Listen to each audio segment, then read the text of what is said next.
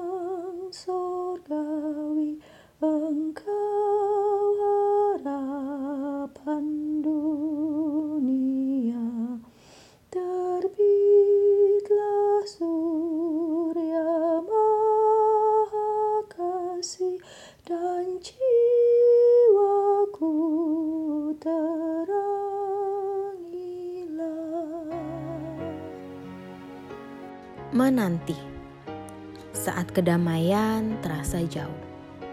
Mika pasal 5 ayat 1 sampai 4. Dalam menanti kelahiran Yesus ada banyak orang yang merasa senang saat memasuki bulan Desember. Hari Natal seperti sebuah masa yang dinantikan oleh banyak orang.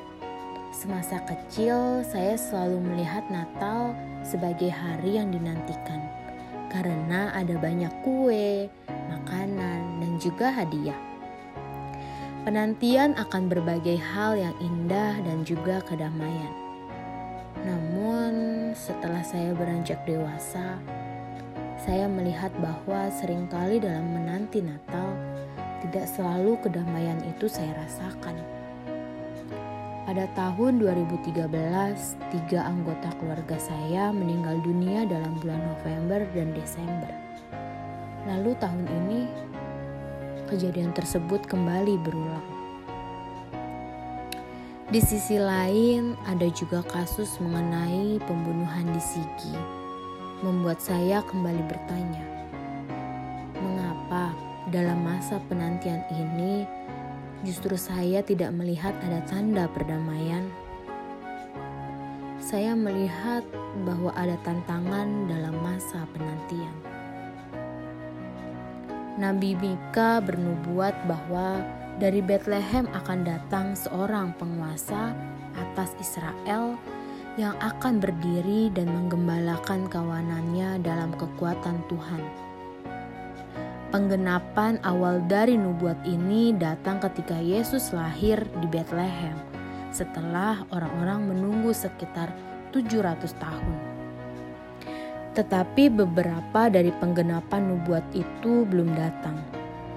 Karena kita menunggu dengan harapan kedatangan Yesus kembali ketika semua umat Allah akan hidup dengan aman dan kebesarannya akan sampai ke ujung bumi.